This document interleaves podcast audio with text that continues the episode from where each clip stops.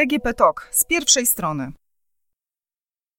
Dzień dobry, Agnieszka Gorczyca, Infor.pl. Z okazji Dnia Ziemi dziś w podcaście z pierwszej strony o migracjach klimatycznych. Czym są, czy będą narastać i jak obecnie wygląda sytuacja. Gościem w studio jest Ludwika Klejnowska z Polskiej Akcji Humanitarnej. Dzień dobry. Dzień dobry. Na początek takie proste wyjaśnienie, czym są w ogóle migracje klimatyczne, ponieważ mówiąc o tym procesie, o tym zjawisku, uważamy, że nas to nie dotyczy. Więc jeśli tak uważamy, to jesteśmy w błędzie, ponieważ kryzys klimatyczny jest y, niestety już obecny, y, już się dzieje. Powoduje właśnie, y, jednym z jego głównych skutków są, są migracje czy też przemieszczania ludności. Ma to różne przyczyny. Ludzie mogą uciekać między innymi przed nagłymi zjawiskami pogodowymi, które wskutek zmian klimatu niestety bardzo, bardzo narastają i ich skala jest coraz poważniejsza, a 67% tych katastrof naturalnych dzieje się w krajach e, globalnego południa. Także y, jeśli na przykład y, jakiś kraj doświadcza susz, czy jakiś region susz, powodzi, które być może są tam obecne od, od, od dziesięcioleci, ale jeśli ta skala właśnie rośnie i te, te nagłe zjawiska pogodowe dzieją się non-stop, no to y, osoby mogą zdecydować, że, że, że to miejsce nie nadaje się już do życia i ich życie jest tam po prostu zagrożone czy, czy, czy niemożliwe. Z drugiej strony obserwujemy takie zjawiska zachodzące w sposób niegwałtowny, jak pustynnienie, podwyższanie się poziomu mórz i oceanów, czy zanieczyszczanie powietrza, y, rozregulowanie pór suchych i deszczowych. Wtedy y, no, ta, te migracje nie są tak nagłe, e, no ale również mogą się dziać, ponieważ społeczności decydują, że dany region nie nadaje się już do, do, do życia. Migracja klimatyczna jest jeszcze o tyle trudnym, trudnym do, do w ogóle do dyskusji zjawiskiem, ponieważ y, nie jest y, dobrze sklasyfikowana. W ogóle nie ma czegoś takiego w y, oficjalnej prawnej definicji jak uchodźca klimatyczny czy migrant klimatyczny, więc jest to też trudne do, do oszacowania, ile takich osób w ogóle jest. ONZ przymierza się do uznania w ogóle takiej kategorii migrantów czy też uchodźców. E, no na razie właśnie, tak jak mówię, te szacunki są trudne, no bo jeśli ktoś ucieka z jakiegoś miejsca, ponieważ toczy się tam konflikt zbrojny, no to nie mówimy, że ten konflikt często jest powodowany na przykład walką o, o zasoby, które są ograniczone w wyniku zmian klimatu, albo jak ktoś ucieka, ponieważ traci dobytek w, wyniku, w wyniku suszy, e, czy, czy decyduje, że, że nie może już tam żyć, no to często będzie uznany za migranta ekonomicznego, ponieważ szuka lepszych warunków do życia. Niekoniecznie jest ten związek z klimatem tak jasny. No ale te regulacje prawne, mam nadzieję, że się w końcu y, ich doczekamy, tak? Chociaż to wszystko trwa i pytanie, czy to nie trwa trochę za długo, bo zmiany klimatu obserwujemy no, gołym okiem, tak naprawdę to dzieje się już za, za naszym oknem i to nie, jest, to nie są tylko puste słowa, które kiedyś nie wierzyliśmy.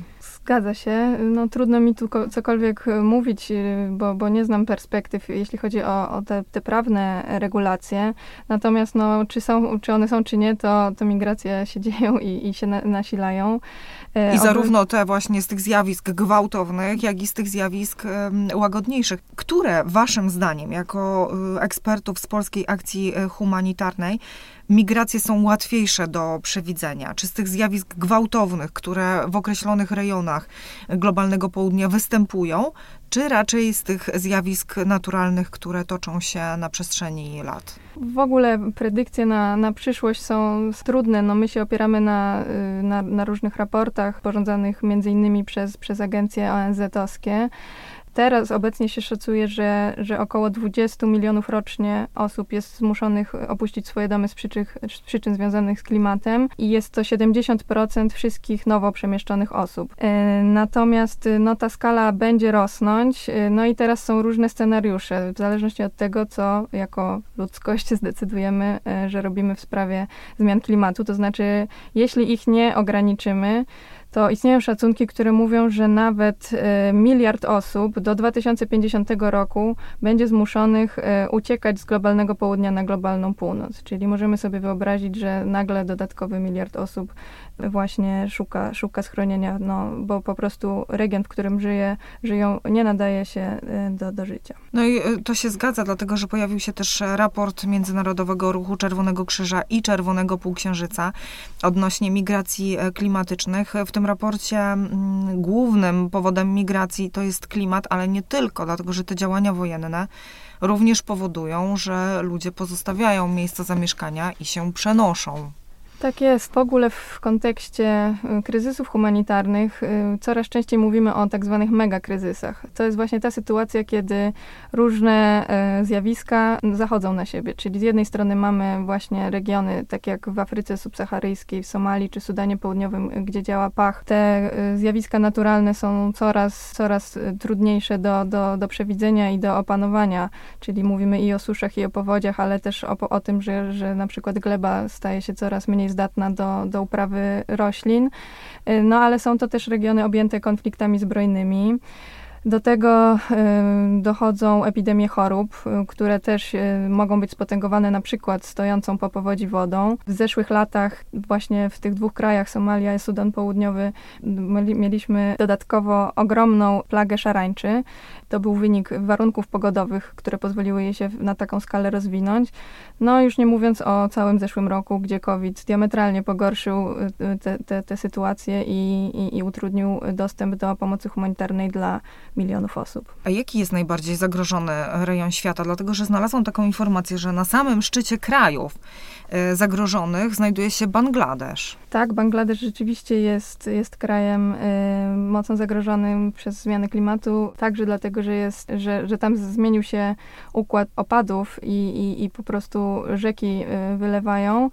Natomiast, no, tak mówimy o globalnym południu, no bo tam, tam właśnie działa, działa polska akcja humanitarna, ale musimy sobie zdać sprawę z tego, że, że również kraje y, najbardziej uprzywilejowane na świecie, takie jak Stany Zjednoczone, też tam się toczy rozmowa o potencjalnych migracjach klimatycznych w przyszłości, na przykład z południowej Luizjany, która, która znajdzie się pod wodą, czy, czy z Kalifornii, gdzie coraz częściej doskwierają pożary lasów. W jaki sposób państwo mogą się przygotować na takie migracje? Migracja? Tam wszędzie, gdzie jesteśmy, jesteśmy bardzo zaangażowani w koordynację pomocy humanitarnej, to znaczy jesteśmy w ścisłym kontakcie z, z wszelkimi aktorami, organizacjami na miejscu. Działamy w, także na podstawie takich systemów wczesnego ostrzegania, na przykład jeśli wiemy, że, że zbliża się jakaś klęska żywiołowa, to jesteśmy w stanie jakoś e, przewidzieć, jak to dalej będzie, będzie się rozgrywało.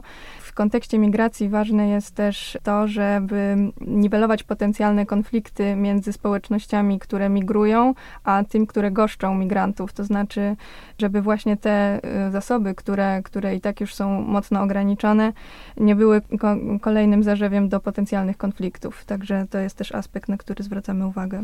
Jak waszym zdaniem będzie wyglądała perspektywa przyszłości? Dlatego, że są szacunki, że do 2050 roku ponad miliard ludzi będzie musiało podjąć decyzję, czy zostają w tym miejscu, w którym są, czy się po prostu stamtąd ewakuują. Eksperci przewidują, że zmuszą ich do tego dwa czynniki. Pierwszy to będą konflikty zbrojne, no o tym pani wspominała. Drugim mogą być e, czynniki ekologiczne. Czy faktycznie w tą stronę te migracje będą się rozwijać? No na ten moment y, rzeczywiście na to wygląda i na to musimy być przygotowani. No nie, nie wiemy tylko, czy, czy aż w takiej skali to, co, co my robimy, to, to staramy się, no oprócz takiego niwelowania tych skutków bezpośrednich katastrof naturalnych, czyli po prostu ratowania ludzkiego życia yy, i zdrowia w wyniku takich katastrof, to staramy się przygotowywać społeczności na, na życie w ciągłym narażeniu na, na, na skutki zmian klimatu. No jak takie przygotowanie wygląda? Tak w praktyce? Wychodzi o, o, o taką adaptację, tak? Czyli na przykład możemy, y, jeśli mamy działania związane z żywnością, no to możemy y, rozdawać lokalnej społeczności nasiona, które są odporne na suszę i będą w tym regionie lepiej rosły. Bardzo ważne są te systemy wczesnego ostrzegania, o czym już, już wspominałam. To staramy się e, właśnie opracowywać z lokalną społecznością, tak żeby, żeby oni sami mogli e, układać na przykład plany działania, jeśli, jeśli jakaś katastrofa już się już się wydarzy. Także to są y, na przykład takie działania. No, takim naszym sztandarowym projektem jest projekt y, w Kenii, który współfinansuje Polskie Ministerstwo Spraw Zagranicznych i tam na przykład budujemy tamy piaskowe y, na rzekach, które są coraz bardziej rozregulowane. Nie wiadomo, kiedy woda w nich będzie, kiedy nie, więc te, takie tamy pozwalają tą wodę zatrzymać, no i to wpływa nie tylko na dostęp do wody pitnej, ale też właśnie pomaga na przykład lepiej zarządzać tą wodą w rolnictwie, co też oczywiście się przekłada na zarobki lokalnych społeczności. Także y, no, trzeba myśleć o takich działaniach, które właśnie jak najbardziej dostosowują y, ludzi po prostu do tych nowych wszystkich sytuacji. No a czy zauważyliście w takim razie, że takie działania przynoszą efekt i minimalizują tą chęć migracji i szukania nowego schronienia na przykład w Europie? Jak najbardziej. No w ogóle myślę, że, że z naszej perspektywy musimy zrozumieć, że ludzie nie, nie chcą migrować, jeśli nie muszą. To znaczy to, mm, to, to sytuacja ich po prostu do tego zmusza. I nawet w Sudanie Południowym, w którym y, aktualnie cały czas niestety obecne są skutki ogromnych powodzi, które, które miały miejsce w zeszłym roku. Woda stoi tam non-stop od, od zeszłego lata. To cały czas w rozmowach z, z, naszym, z beneficjentami naszych działań y, wynika, że osoby, które nawet straciły domy czy dobytek, były zmuszone po prostu opuścić y, dany region, one i tak chcą tam wrócić. To znaczy chcą, jak tylko woda ustąpi, chcą wrócić, odbudowywać swoje życie w tym miejscu.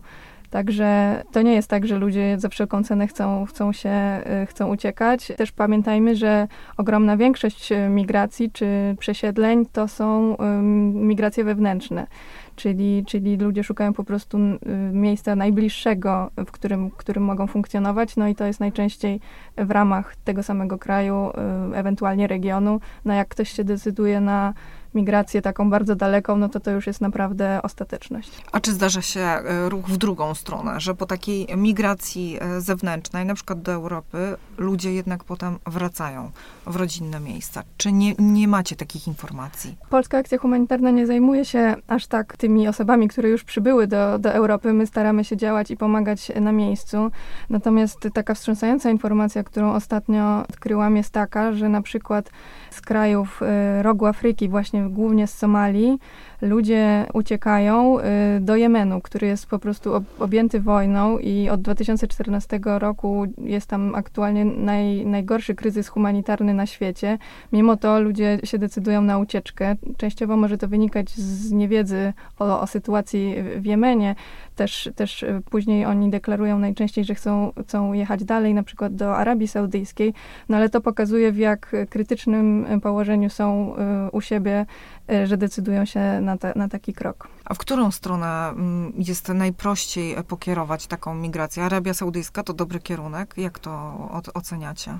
Tak jak mówię, my y, tak aż dokładnie y, migracjami się nie, nie, zajmujemy. Naszym celem jest stwarzanie takich warunków w miejscach, w których ludzie się y, znajdują i żyją, żeby, żeby, żeby najlepiej stamtąd nie uciekali. Natomiast oczywiście czasem jest to niewykonalne. Myślę, że tutaj ważne jest, żeby, żeby kraje uprzywilejowane, jak europejskie czy, czy taka Arabia Saudyjska, no muszą się wykazać globalną solidarnością i, i, i uchodźców przyjmować. Mając też na uwagę to, kto ponosi winę za, za, za kryzys klimatyczny. I jest to oczywiście e, globalna północ. Te dysproporcje są po prostu zatrważające. Mam to takie statystyki, że 10 krajów najbardziej narażonych na głód, na brak bezpieczeństwa żywnościowego, kolektywnie emituje mniej niż 1,1% globalnych emisji. Czyli po prostu ci, którzy najbardziej cierpią, najmniej dokładają się do tej, e, do tej sytuacji. No a naukowcy przewidują, że w miarę ocieplania się globu ta liczba osób, które będą ubiegały się o azyl w Europie będzie rosła. Z tych wyliczeń, które zostały przeprowadzone, wynika, że takie ocieplenie w granicach między 3 a 5 stopni Celsjusza to jest 660 tysięcy dodatkowych osób, które będą szukały schronienia w Europie. Jakie działania prewencyjne możecie prowadzić w tym temacie? No bo fizycznie tamy, tak, o których Pani wspominała, to jest jeden temat, ale prewencja to jest y, drugi. Generalnie y, prewencja polega na, y, na obniżaniu po prostu globalnych emisji, więc, więc tutaj to już nie jest też rola organizacji humanitarnych, tylko po prostu nas wszystkich, żeby, żeby te emisje po prostu zatrzymać.